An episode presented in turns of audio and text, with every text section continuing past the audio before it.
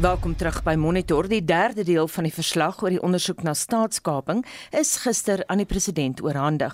Jamie, waaroor berig die koerante en die ander media vanoggend? Ja, die derde deel bevat bevindinge oor die diensmaatskappy Bossasa wat lede van die uitvoerende gesag probeer beïnvloed het. Ondersoek Gwede sê Zondo en Bossasa uh, wou ook Nomvula beïnvloed. Dit is van beeldse opskrifte vanoggend. Bossasa en Zondo is ook twee van die onderwerpe wat op sosiale media bespreek word. Die burger se hoof uh, opskrif handel ook oor die onderwerp. Dit lei Zuma oortree grondwet en ondersoek Mantashe oor korrupsie vra kommissie. Die burger se voorblad foto handel egter oor die rooi gety in Elandsbaai in die Wes-Kaap en die opskrif daar duisende krewe spoel uit. Dan berig die Herald in die Oos-Kaap oor die waterkrisis in die Nelson Mandela Bay Metro en omliggende gebiede en dit handel spesifiek oor hoe die besoedeling van die visrivier en deurlopende wateronderbrekings in nooit gedagte die situasie vererger. Die opskrif daar lê Why there was feces in our water. En the witness in KwaZulu-Natal wat vanoggend berig oor oor die konflik tussen Rusland en Oekraïne met die opskrif The Destruction of Kiev. En ek sien daai einste konflik word op sosiale media baie fyn dopgehou. Dis reg, die hitsmerke Ukraine en Ukrainians is onder Twitter se top 10 besproke onderwerpe. Die Amerikaanse president Joe Biden het gister die FSA se voortgesette hulp aan Oekraïne beloof. Die Wêreldhof hoor binne 'n paar dae aansoek aan wat deur Oekraïne teen Rusland gebring is en die klagte handel oor Rusland se bewering dat hy Oekraïne inval om volksmoord te voorkom in Oekraïne het die hof genader en sê dis vals en die Hollywood rolprentvervaardigers het ook aangekondig dat hulle nie rolprente in Rusland sal uitreik nie. Die Oekraïense Rolprent Akademie vra vir die internasionale vir 'n internasionale boikot van die Russiese rolprentbedryf. En dit was Jo Marie met 'n nuus en 'n sosiale media oorsig. In Suid-Afrika, Gauteng se provinsiale regering en die Universiteit van Johannesburg het 'n projek aangekondig om werk te skep met die herwinning van elektriese en elektroniese toestelle.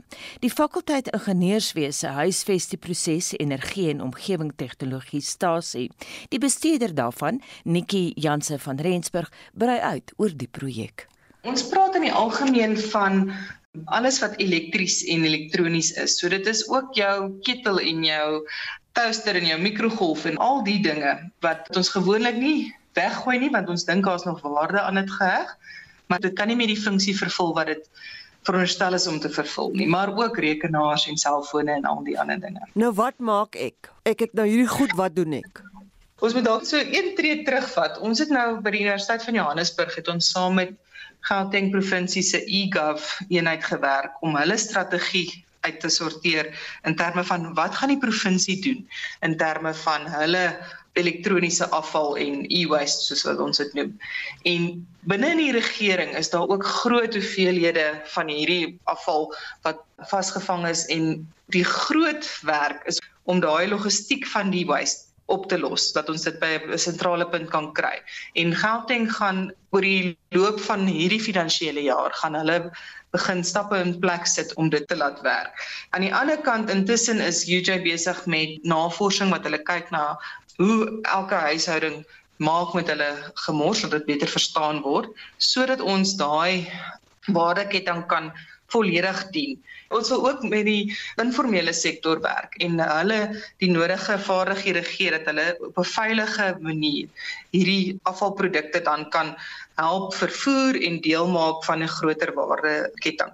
En om dan al hierdie mense bymekaar te kry is die groot werk wat Gauteng provinsie nou gaan begin koördineer. Julle kan nog nie vir ons sê waar die punte is wat dit afgelewer gaan word nie dit is nog in die pipeline. Soos wat ek verstaan, gaan daar 5 verskillende sentrale punte wees en dan gaan ons strategieë rondom dit ontwikkel oor hoe om daai afval dan in die waardeketting in te kry.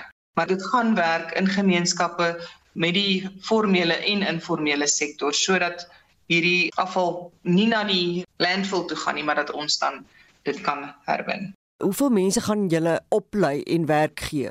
By die Universiteit van Johannesburg vir 'n hele ruk werk ons met jong mense wat by TVETs is wat ons dan help met basiese vaardighede vir daai regmaak van apparate wat nie meer werk nie. En daai vaardighede gee hulle dan die geleentheid dat hulle hulle eie besighede kan begin en dit trek weer terug na die circular economy wat die Engels is wat ons gebruik daarvoor. En dit is die waarde van die produk is op sy hoogste as hy hom weer terug in die omgewing kan instuur as wat hy oorspronklik was.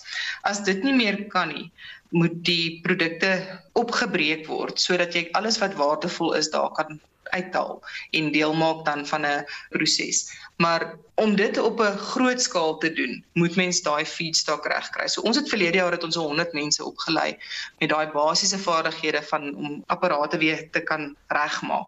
Maar die hele waardeketting praat dan van die eerste teer wat jy hom kan terugstuur in die ekonomie in soos wat hy oorspronklik was tot waar jy al die minerale en waardevolle produkte kan ontgin waar dit dan ons praat van urban mining is wat jy hierdie kan uithaal.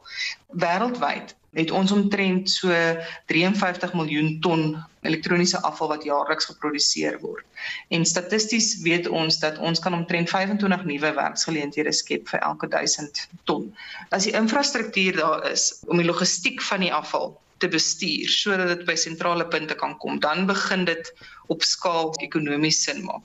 So daar's nogals 'n paar stappe wat moet gebeur. Op nasionale vlak was daar ook nou verandering in wetgewing gewees dat die produsente van hierdie produkte verantwoordelikheid moet neem vir die afval ook. So dit gaan maak dat ons al hoe meer tegnologie gaan gebruik om te weet wat gebeur met die produk sodra dit in jou huis kom en dat ons die hele lewensiklus van daai produk bestuur sodat die afval nie net na die vullishoop toe gaan nie, maar dat hy deel word van 'n stelsel en dat hy dan verwerk word of nuut gemaak word of oorgemaak word of geïntegreer word in nuwe dinge of dan as 'n laaste stap heeltemal herwin word dat ons daai produkte kan uittrek.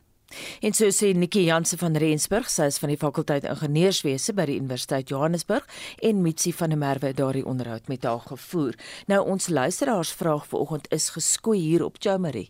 Ja, ons wil jou weet, wat doen jy met jou elektriese en elektroniese rommel en wat ander vullis uh, aanbetref laat weet ons sommer ook wat herwin jy in jou huishouding alles. Stuur 'n SMS, die nommer is 45889. Dit kos jou R1.50 per SMS. Jy kan ook vir ons 'n WhatsApp stemnota stuur. Die nommer is 0765366961 of jy kan 'n draai gaan maak op Monitor en Spectrum se Facebookblad. Agri Noord-Kaap waarsku dat die sprinkaanplaag in die provinsie in die komende dae selfs erger skade aan landbou kan aanrig. Dit is waarom die organisasie nou nou 'n beroep op die privaat sektor doen om betrokke te raak, het Agri Noord-Kaap se president, Nicole Jansen in Hope Town aan Hendrik Weingart gesê. Ja, in September 21, met ander woorde hierdie somerseisoen, het die eerste sprinkane uitgebroei in Sentraal Karoo. Hy het so deur twee siklusse beweeg en ons wat ons redelik suksesvol kon bestuur deur die departement van landbou maar heidaglik hier in uh, vanaf Januarie 2022 sit ons met 'n enorme uitbraak met hoë intensiteit van sprinkane hoofsaaklik in die sentraal Karoo van die Noord-Kaap. Nikkel, wat is die aard van die skade wat hierdie sprinkane aanrig? Op ons weiveld is daar nie 'n kostebepalingsmetode wat effektief aandui hoe die skade nie, maar jy kan met jou oog sigbaar sien hoe dat hulle 'n geweldige klomp veld verorber daar waar hierdie sprinkane oor beweeg veral terwyl hulle op die voetgangerstadium is en vanweë die enorme grootte van hierdie uitbraak wat geweldig wyd stryk van Graafrenet in die Oos-Kaap reg deur Britstown tot in Springbok maak dat dit 'n baie groot oppervlakte is en dus is dit 'n gewellige klomp veld natuurlike veiding wat vernietig word deur hierdie sprinkane en die groot groot risiko lê wanneer hierdie sprinkane op die vlek kom en na die gesaaides en die besproeiingsareas beweeg waar die skade enorm kan wees. Hoe gou verwag julle sal hierdie derde broeiseisoen se volle impak gevoel word? Die volle impak op die voetgangerstadium voel ons reeds. Ons verwag dat binne die volgende 5 dae, met ander woorde ons sê hierso van die 7de Maart af, hierdie swerms op die vlerk gaan begin kom en dan gaan al die kleiner swerms wat ons tans nie op spoor nie, bymekaar kom en enorme groot vleiende swermsprinkane vorm. Wat is dit wat Agri Noord-Kaap reken is die groot oplossing wat nou moet geskied? Ja, Heinrich, ek dink dit is uiters belangrik om te weet dat die departement van landbou werklik waar hulle bes doen om hierdie swerms en hierdie sprinkaan uitbraak onder beheer te kry, maar dit is net te groot.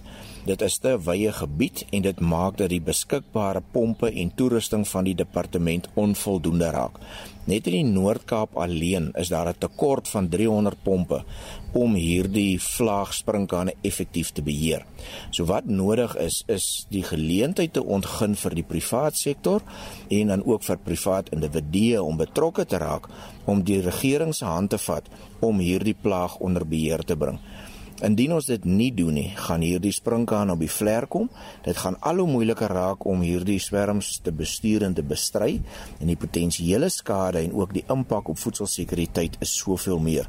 En daarom is die tyd ryp op hierdie oomblik vir die privaat sektor om 'n hand uit te reik na die departement van landbou en 'n bydrae te maak sodat ons 'n verskil kan maak om hierdie plaag onder beheer te bring terwyl hy op voetgangerstadium is. Wat word bedoel met op die vlek kom? Hierdie sprinkane gaan deur sy normale siklus van waar hy uitbroei uit die eier, deur sy groei stadium tot waar hy 'n rooi baadjie is en dan begin hy vlerke ontwikkel en dan begin hy vlieg. So hiervan ek praat onder korreksie van 79 dae af begin hierdie sprinkaan te vlieg en hy het so 137 dae leeftyd en is in hierdie vlieër stadium van 79 tot 139 dae wat hy oor groot afstande kan beweeg. Hy weer 'n paar keer broei eierpakkies lê om so sy voortbestaan te verseker. Hoe lank reken jy sal hierdie plaag nog voortduur? Heinrich, dit is die groot uitdaging. Hierdie plaag gaan nie gaan lê voordat die natuur draai en ons die eerste ryp kry wat dan die normale groei en verspreiding van sprinkane beëindig nie. So ons gaan met hierdie plaag nog sit tot April, Mei maand toe wanneer die eerste ryp voorkom. Dit bepaal net hoe groot gaan die skade tot dan wees en hoe effektief gaan ons hierdie plaag beheer en bestuur kry tot dan. Wat is die koste waarna mense kyk vir hierdie bestryding van hierdie plaag? Ja, Heinrich, die veldbakkies wat in die veld is met die gif daarby verbonde wat die departement spandeer is enorm en die departement van landbou spandeer miljoene rande aan die bestryding van hierdie plaag. Op hierdie stadium is daar 'n geweldige behoefte aan ligondersteuning om hierdie bakkies te kan ondersteun.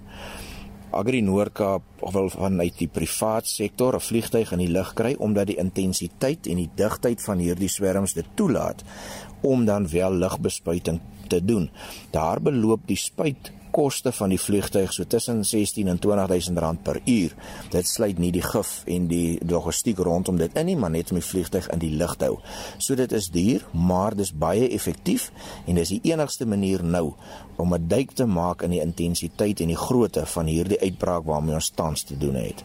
En so sê Nicole Jansen, hy is president van Agri Noord-Kaap en hy het met Heinrich Weingart gepraat. En nou na die SMS terugvoer wat sê ons luisteraars Johnny.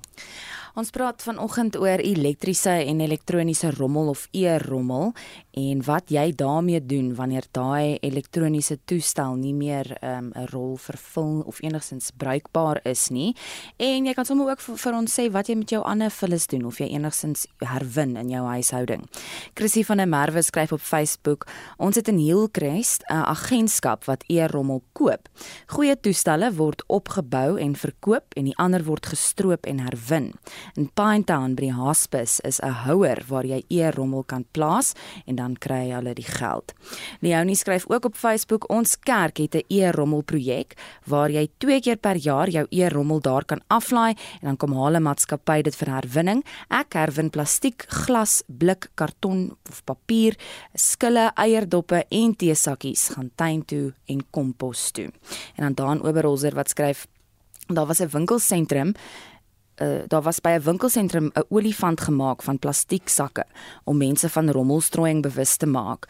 Ook was daar spesiale houers gewees vir glas, ou batterye en plastiek. Dit alles het net verdwyn en die mense het maar voortgegaan om rommel te strooi. Die grootste sondebokke is die winkelsentrums wat so baie van plastieksakke hou. Nou ja, jy kan ook saam praat stuur vir ons SMS na 45889. Daai SMS gaan vir jou R1.50 kos. Ons WhatsApp lyn is oop en ons wag vir jou stemnota 0765366961 en dan kan jy ook op ons Monitor en Spectrum Facebookblad gaan saamgesels. Die Oekraïense Vereniging van Suid-Afrika het die regering gevra om alle handel met Rusland op te skort weens die voortsleepende konflik tussen die land en Oekraïne. Lede van die Oekraïense gemeenskap gemeenskap in die moederstad het buite die parlement betoog om die aandag op hulle saak te vestig. Kobben August was daar. Ondersteuners van Oekraïne wat buite die parlement betoog het, het slagspreuke gedreun sing soos help Oekraïne en stop die oorlog. Sommige van hulle het ook plakkate gedra wat lees Oekraïne, ons staan saam met jou en stop Putin. Hulle doen 'n beroep op die regering om openlik Rusland se dade teen Oekraïne te veroordeel. Die president van die Oekraïense Vereniging van Suid-Afrika, Olesia Loubser, sê hulle vra vir vrede We called Ukrainians and South Africans to support the call for peace in our country because everybody knows that there is uh, terrible things are happening starting from Thursday. We call it aggression by Russian Federation and we are calling for peace. We are calling also for South African government to support, to condemn the action of Russian Federation and support the peace solution. Die betogers sê hulle proteseer om solidariteit en ondersteuning met hul landgenote te toon. Dit is wat sommige te sê gehad het. I feel very helpless and totally devastated. I wish I could join them to fight. We didn't invite Russian to Ukraine. Why they came to bombing all the big cities? We all praying, even asking, stop, stop war. It breaks my heart, my family, my friends suffering in my country in Ukraine. It's just been attacked by Russians. Die Verenigde Nasies sê meer as 660 000 mense het reeds uit Oekraïne gevlug sedert die begin van die Russiese inval. Ek is Kob in August in Kaapstad. En ons bly by die storie Letland het die internasionale strafhof in Den Haag die week gevra om 'n moontlike aanklag van oorlogsmisdade teen president Vladimir Putin te ondersoek gegee die gebeure in Oekraïne. Die vernietiging van 'n woonstelgebou in Kharkiv het Oekraïne se regering nou ook genoop om 'n soortgelyke versoek aan die internasionale strafhof te rig. Vir meer daaroor praat ons met professor Martie Bradley, sy is 'n internasionale regskenner wat spesialiseer in oorlogsreg en sy is verbonde aan die Universiteit van Pretoria. Goeiemôre. Goeiemôre. Martie, jou kollegas verskil oor die kanse op sukses. David Bosco van Indiana Universiteit beskryf die stap as simbolies, maar die internasionale strafhof se aanklaer Karim Khan sê hy is bereid om 'n ondersoek te loods alhoewel Oekraïne soos Rusland nou nie lede van daai strafhof is nie. Hulle het blykbaar nooit die Romeinse statuut onderteken nie. Kan die hof dan nou jurisdiksie uitoefen en hoe werk dit? Ja, ek dink die beginpunt is baie belangrik om vir die luisteraars te verduidelik wanneer kan die internasionale strafhof wel jurisdiksie uitoefen? Dit wil sê wanneer um, kan hulle 'n saak aanhoor? Want inderdaad in internasionale reg het state soewereiniteit. Dus moet hulle instem. Ehm um, tot die Romeinse statuut om verhoor te word. So basies vir die strafhof om jurisdiksie uit te oefen, moet die misdade waarvoor ehm, 'n um, land ehm um, aangekla word eerstens binne artikel 4 val. En dit is tipe misdade soos volksmoord dis die mees ernstigste misdade. Volksmoord ehm um, die misdaad van aggressie ons het baie die term aggressie gehoor die afgelope tyd as ook misdade deur die mensdom en dan oorlogsmisdade. En ons het ook gehoor dat gister nadat die ehm um, TV-toring op Vryheidsplein as of die TV-toring aangeval is as ook ehm um, Vryheidsplein aangeval is dat daar moontlike oorlogsmisdade gepleeg word en dan tweedens behalwe dat die misdade in daai kategorie moet val is daar drie basisse waarop die internasionale strafhof jurisdiksie kan uitoefen. Eerstens met lidmaatskap van lande en ons weet dat nie Oekraïne nie Rusland is lede nie, so dis nie 'n opsie nie. Dan met 'n uh, eh, VN Sekuriteitsraad verwysing na die hof. Ehm um, natuurlik is Rusland een van die permanente 5 lede van die VN Sekuriteitsraad, so hulle sal definitief die verwysing veto, so daar's geen hoop daarop nie. En dan die laaste opsie inderdaad ehm um, wat ons nou sien is dat meneer Khan die aanklaer ehm um, 'n ondersoek loods in die situasie op die grond of 'n lidstaat kan ook die situasie verwys um, alvorens om 'n ondersoek te loods. Maar wat interessant is, ehm um, wat mense net ook op moet let onder artikel 15 van die Romeinse statuut wat die aanklaer magtig om die ondersoek te loods, is dat dit is wel net 'n magtiging om te ondersoek. Dan moet die voorverhoorkamer van die hof steeds besluit of hulle gaan voortgaan met die hofsaak. So dit is nie 'n uh, beslis dat die hof dit gaan aanvat nie, maar dit is die eerste stap om dan die voorverhoorkamer in te lig oor die situasie op die grond en as die bewyslas oorweldigend is, dan is dit inderdaad moontlik dat die hof um, dit kan verder vat, maar dit gaan 'n tydsame proses wees. Ek wil net vinnig uh, iets vra oor oorlogsreg want ek het nie eers geweet dis 'n spesifieke spesialiteitsveld nie en dit is waarin jy spesialiseer. Inderdaad, ehm um, meestal spesialiseer ek in burgeroorloë want dit is 90% van oorloë deesdae is burgeroorloë. Ehm um, ek het nie gedink in my leeftyd of gehoop in my leeftyd sal ek ehm um, moet kyk na internasionale oorlogsreg onder die Geneefse konvensies ehm um, spesifiek artikel 2 nie want wat artikel 2 ons nou hiermee te maak het ek weet daar's terme soos die inval van Rusland in Oekraïne ehm um, daar's aggressie in Oekraïne dit is die terminologie wat ons hoor maar waarmee ons heidaglik te maak het na daai eerste aanval dit is ehm um, Die eerste aanval was die aggressie, die oorskryding van artikel 24 van die VN dat jy mag nie um, geweld teen 'n ander land se grondgebied gebruik het nie. Na dit is ons in 'n tradisionele internasionale konflik en dan is oorlogsreg van toepassing. So dit is baie belangrik om om dit te weet. So waar daar dalk ehm um, narratief is in die media dat daar word moord gepleeg en en en is dit belangrik om te weet dat ons is nou in 'n internasionale oorlog wat beteken dat die soldate van beide lande is teikenbaar. En dalk net om te noem um, in terme van van die oorlog wat nou afspreek is militêre noodsaaklikheid. En dit is een van die hoofbeginsels van oorlogsreg. En dit beteken dat Rusland en Oekraïne, want wanneer ons eers in oorlogsreg is, dan is daar nie 'n daai status daar vir verkeerde redes of nie. Die reg is van toepassing op albei la lande eweveel. So wat militêre noodsaaklikheid sê is dat 'n land mag slegs die maatstawwe gebruik wat nodig is om sy vyand te oorrompel. Die doel is nie 'n totale uitwissing van die weermag nie. So wanneer 'n mens nie kyk is daar baie vrae hoekom het ehm um, Rusland nog nie byvoorbeeld hulle regtig wyd artilleriebestroking ensovoorts gedoen nie. Want inderdaad dit is beperk wat hulle mag doen. Die onderskeidsbeginsel um, is ook geweldig belangrik en dit is dat hulle slegs militêre installasies mag aanval en nie burgerlike installasies nie. Hulle mag ook net soldate of burgerlikes wat wapens opneem vir daai tyd aanval en nie burgerlikers self nie. Maar daar is 'n toelaatbaarheid vir kollaterale skade. Ehm um, dalk met militêre installasies moet ek net vir die luisteraars verduidelik dat 'n militêre installasie is byvoorbeeld natuurlik die lugmagbasis, die weermagbasis, maar dit kan ook wees dat 'n gebou in Karwief gebruik word ehm um, vir die aard as gevolg van die aard, die doel, natuur en die ligging om 'n effektiewe bydrae te lewer um, tot die oorlogvoering. Byvoorbeeld ons het gesien dat die TV-toring aangeval is. Mm. Sou die TV-toring gebruik geword het om intelligensie, militêre intelligensie te versprei, dan is dit moontlik dat dit teikenbaar was, want die aard kan verander ehm um, op grond van waarvoor dit gebruik word.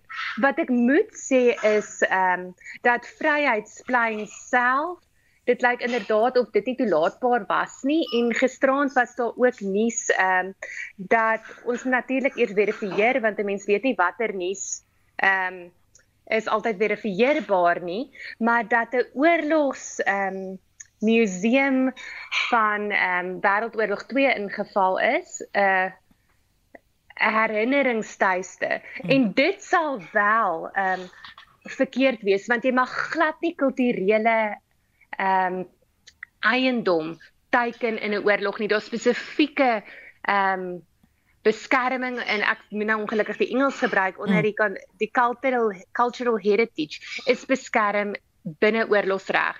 'n Artilleriebesproking 'n bestroking of 'n nie onderskeidende wapentuig wat wel gebruik word in dorpsgebied is onwettig want dit is nie onderskeidend En ons weet dat die onderskeidsbeginsel sê dat militêre installasies moet geteken word. So missiele byvoorbeeld is toelaatbaar mits dit gemik is op militêre installasies. So mense sal maar die oorlog moet monitor. Ehm um, en ek dink nie ons het al genoeg inligting om te beslis of wat daar wel oorlogsmisdade gepleeg is nie. Inderdaad, die misdaad teen aggressie want dit was daai eerste inval ehm um, wat gebeur het, maar dit is basies wat die reg vir ons sê en baie belangrik ook die proporsionaliteitsbeginsel. Ehm um, en dit beteken dat Putin mag nie oorweldige ehm um, artillerie of hy mag nie oorweldige geweld gebruik ehm um, wat meer is is wat nodig is om sy militêre objektief te bereik nie. Maar so, ek wil nou vinnig basies die reëls waarin ons speel. Ek wil nou vinnig hier inspring. Uh verwysend na die Geneefse konvensie, wat sê die bepalinge daar oor meervoudige vuurpyl-lanseerders? As die meervoudige vuurpyl-lanseerder dit alles 'n wapen self is nie noodwendig onwettig nie behalwe as daar verdra is wat wat sê mens mag hulle nie gebruik nie. Dit is hoe die wapentuig gebruik word wat dit onwettig maak. So as hy die meervoudige vuurpyl lanseerder gebruik om hulle met militêre installasie te teiken dan is dit nie 'n probleem nie. Maar as hy wapens gebruik wat nie onderskeidend is nie of as hy hulle rig op burgerlike installasies, dan is dit verkeerd. Byvoorbeeld as jy artilleriebestroking direk bo 'n weermagbasis gebruik waar daar geen risiko's is nie want dit is nie onderskeidend nie, dan is dit nie 'n probleem nie, maar as jy dit gebruik in Karwief in 'n middestad waar dit nie kan onderskei nie, dan is dit 'n probleem. So dis belangrik om te onthou dat die basiese beginsels van onderskeid en proporsionaliteit gaan bepaal wat hy mag gebruik. So dit is nie per se dat die wapen onwettig is nie, maar hoe dit aangewend word. Baie dankie aan Susie professor Martie Bradley, sy is internasionale regskenner wat spesialiseer in oorlogsreg en sy is verbonde aan die Universiteit van Pretoria. Rusland se sentrale bank het eergister sy rentekoers tot 20% aangepas. Dis meer as dubbel die bestaande koers. Intussen verswak die waarde van die roebel by die dag en Russe kla dat daar omtrent geen Amerikaanse dollars in die land te kry is nie. Aan die begin van die jaar was 1 Amerikaanse dollar 75 roebels werd en vir 1 euro kon jy 80 roebels kry. Maandag was 1 dollar 113 roebels werd en vir 'n euro moes jy 127 roebels opdok. Dit ontwrig baie lewens. Ons het maandag onderhoud uitgesaai met Johan de Tooi wat as kapelaan by drie protestantse skole in Le Havre, Normandië werk. Die onderhoud het baie reaksie by ons luisteraars uitgelok en gister het de Tooi vertel hoe hy desperaat geld by sy Russiese vrou Dasha en sy twee dogters Victoria en Anna wat tans in Siberië vasgekeer is probeer kry. Anita ons maak reg maar vir 'n langer termyn 'n um, laer trek daar in Siberië vir hulle. Die ding eskaleer en uh, ek sien nie dat hier 'n vinnige antwoord gaan kom nie. Soos um, ek gaan maar voort teen Normandië. Hulle moet maar voortgaan daar en terwyl ek kan probeer ek my een van Frankryk af stuur wat ek kan. Ek um, stuur alles wat ek kan, ja, wat ek het net om seker te maak wel sy kan trek, maar net om 'n idee te gee, byvoorbeeld R5000 gister was uh ongeveer 27000 roebels. Vandag is 5000 34000 roebels. Dit wys hoe sterk val die roebel. Dit is mal. Die pryse styg ontsettend. Soos ek stuur vir haar uit Frankryk uit, um sodat sy kan koop wat sy kan koop oor hierdie paar dae. En uh, ek sê familie en geld nou vashou nie want die geld verloor sy waarde as hy uh, 50000 roebels gehou het vir betaling van die huur van die skoolfondse van haar karversekering wat ook nou betaal word. Dan het daai 50000 roebels ongeveer 17000 rand het dit nou 7000 rand geword. Net oor 'n spasie van 3 dae. En dis wat gebeur met die rol. En dit is so erg dit vir die rus is. Gelukkig kan ek nog vir haar stuur, maar die meerderheid van die rus het nie daai opsie nie, soos is rof. Maar ons gaan maar ons vasbyt. Ek ontmoet met my direkteur van die skole hier om ook te praat oor hierdie situasie en ek glo ons gaan ook baie Oekraïense vlugtelinge hier kan ontvang en my visie is om 'n gemeente hier in te plant om dan ook die die die Oekraïners um, te ontvang sodat hulle kan kom na 'n sterk fondasie toe. Soos ek ek werk met 'n paar leiers in die Oekraïne daarom te sê bring vir ons 'n paar pastore oor ook as vlugtelinge dat ons sommer die vlugtelinge kan bedien. Dis die strategie. Nou Susie Jan de Tooy het gister vanuit Normandië in Frankryk met my gepraat. 'n Koalisie van hongerverligtingsorganisasies eis dat die Suid-Afrikaanse regering 'n skenking van 50 miljoen rand aan Kuba dadelik moet staak. Die koalisie het 'n dringende vergadering met die regering aangevra om ondersoek in te stel na die oorsake van hongersnood in Suid-Afrika. Die koalisie, bestaande uit 60 nie-regeringsorganisasies en 16000 ondertekenaars, het 'n petisie aan Kleisen Monyela, die waarnemende DG in die departement van internasionale samewerking in Swane oorhandig. Vincent Mofokeng het die besonderhede. 'n Belofte deur die regering om 50 miljoen rand aan Kiba te skenk om hul voedselkrisis te help verlig, is met verontwaardiging deur Suid-Afrikaners begroet.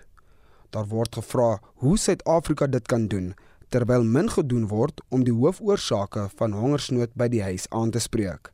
Kleisen Monyela, die waarnemende direkteur van Dirkou, het bevestig dat hulle die petisie ontvang het. Let me just also just mention that the African Renaissance Fund, which the department in the government of South Africa uses to support projects and intervene particularly on humanitarian ground to assist countries that may be experiencing challenges of food security, etc. is a fund that uh, we've deployed on various occasions where there was a need. You'd recall in South Sudan, South Africa donated food to assist that country when they were having issues of food security. The latest one we did was in Zimbabwe. Again, it was issues of food security. We donated maize meal and other things. So this is work that we do all the time. The matter that has been raised now related to Cuba, of course, the petition has been received and the management of the department will respond to the people who have submitted this. Die nie-regerende organisasies is van mening dat hulle hard werk om die nasie te voed sonder om enige bystand van die regering te ontvang. Die behoefte aan voedsel het sedert die begin van die COVID-19 pandemie toegeneem as gevolg van stygende werkloosheid. Monyela reageer op hierdie mening. Well, it is interesting that when we assisted other countries that were having similar challenges of food security, South Sudan, Zimbabwe and others, Namibia at some point also got assistance from us. Mozambique at some point also got assistance from us. We've done a lot of work on the African continent utilizing the same African Renaissance Fund. It's interesting that when we did that, we did not receive any petition of anybody asking us not to assist. Cuba is experiencing a similar challenge and there's a decision to assist them and there are these petitions. As I said, I mean, we've received the petitions and the issues that have been raised are in front of the leadership of the department and there will be a response. So we'll articulate the reasons why the leadership felt this decision needed to be taken and contextualize it. So that will be done. Monyela is ook van mening dat hulle 'n buitelandse beleid en mandaat het om bande met 'n land soos Kuba te versterk en dat daar verskeie departemente is wat 'n plig het teenoor die nie-regerende organisasies. So when COVID-19 hit, there's no country that was left unaffected. You'd recall that Cuba dispatched its medical personnel, doctors and other health practitioners to South Africa to come and help us to fight COVID-19. They didn't say they are equally affected. Those people must sit at home and only attend to their nationals. There's no country that practices a foreign policy that is inward looking all the time. If you do that, you might as well isolate yourself and not trade and have relations with other countries. And I'm not sure that that's going to serve any country in any way. So the idea that because we've got challenges here, we should close our eyes and ears to what is happening in the world, particularly when it comes to strategic partners and friends and countries that have been with us through thick and thin, even during the dark days of apartheid. I don't know what kind of foreign policy that is. In South Africa, there are departments that have a mandate and budgets to assist with issues like the ones that you're referring to of NGOs and NPOs that are running soup kitchens. Uh, there's a department called social development, and there are other stakeholders that also contribute to ensure that the work of these NPOs, and it's an important work. We're not devaluing it. It's also true that there are hungry people in this country, and this government has a responsibility to assist those and feed them, and that's why you have a department like social development that has a mandate to do that. We, as a Department of International Relations, have a different mandate and it's to take care of relations with other countries. Dit was Kleisen Munyela, die waarnemende direkteur-generaal van Durko. Ek is Vincent Mufokeng vir SAI Garnis. Intussen praat ons ver oggend oor elektroniese herwinning. Wat sê mense wat doen hulle met hulle batterye? Anita, kom ons vind uit. Goeiemôre, RSG is verkeer van Germiston. Ja, nee, kyk, ek gaan nie gemors op nie. Ek gooi nie hasblik. Ek gooi weg. Ek is nie 'n ou wat gemors op gaan nie. Ek is 'n skoon mens. Ek hou van skoon leef. Enige gemors ek gooi weg. Van elektries tot papier tot enige lap ding ek gooi weg. Nee, ek gaan nie gemors op nie. Goeiemôre, RSG. Die elektriese elektroniese materiaal, ek haal dit uitmekaar uit. Die yster een kant, koper een kant, enige bruikbare ding soos 'n transformator of 'n kapasitor of weerstande. Almal van hulle word mooi uitgesorteer. Nou die yster gaan en die koper gaan na die groot jaar toe. Ek verkoop dit daar en dan gaan ek na die elektriese winkel toe. Die wat van die kapasitors wil koop, hulle koop. Ek self is 'n elektroniese elektriese man. So vir my is dit baie maklik om die goed uitmekaar uit te maak. Goeiemôre. Ek wil net sê niks by my word weggegooi wat herwin kan word nie. Nie plastiek, nie 'n leë blikkie, nie papier, niks van daai goed word net weggegooi nie ehm um, kartonhouers waarin bevoeld melk spoel ek uit, blikkies spoel ek uit, plastiek uh, uh, houertjies spoel ek uit en dit kom alles in 'n sak wat ek dan vir die ouetjies uitsit wat die goed loop en vergader. Wat weggegooi word is net skille en ja, afvalkos en daai goed, maar wat herwin kan word, herwin ek. Nou Madeleine skryf op die Facebook bladsy: Ek versamel al die e-rommel, enige ou elektroniese goed, enige ou komputers, printers, televisies, ou elektroniese parte en elektriese goedere, stikkende motherboards, ou DVD en CD-spelers, enige e-waste. Maar Madeleine, ek wil by jou weet, wat doen jy dan daarmee? Daisy skryf op Facebook: Ons herwin alles wat ons kan in Nysna. Ons rotarierklub het 'n paar weke terug ook gereël vir e-waste om opgelaai te word op 'n groot vragmotor, ook vir herwinning. Letitia skryf op Facebook en sy sê sy sy's jammer as sy nou op tone trap, maar Letitia, hier vra ons vir jou om jou mening te deel. So ons is bly jy doen, maar sy sê Suid-Afrikaners is oor die algemeen lui en gemaksugtig. Dis duidelik dat ons nog glad nie bewus is van die nadelige effek wat besoedeling op ons luggrond en veral waterbronne het nie. My dogter verwerk en herwin elektroniese en elektriese toerusting al vir 'n paar jaar. Dis 'n ontsettende harde fisiese werk, veral vir 'n vrou. Ek doen ook al vir jare herwinning van plasties, karton, papier ensovoorts en is regtig glad nie so moeilik nie. Dis net 'n geval van neem 'n besluit en wees gedissiplineerd. Afvalkosse word in emmers gegooi en met bokasie wat terugverwerk na kompos wat weer terug in die grond geplaas word. My uiteindelike afval wat opgelaai word is minimaal. Nou Letitia, ek kan dit goed glo.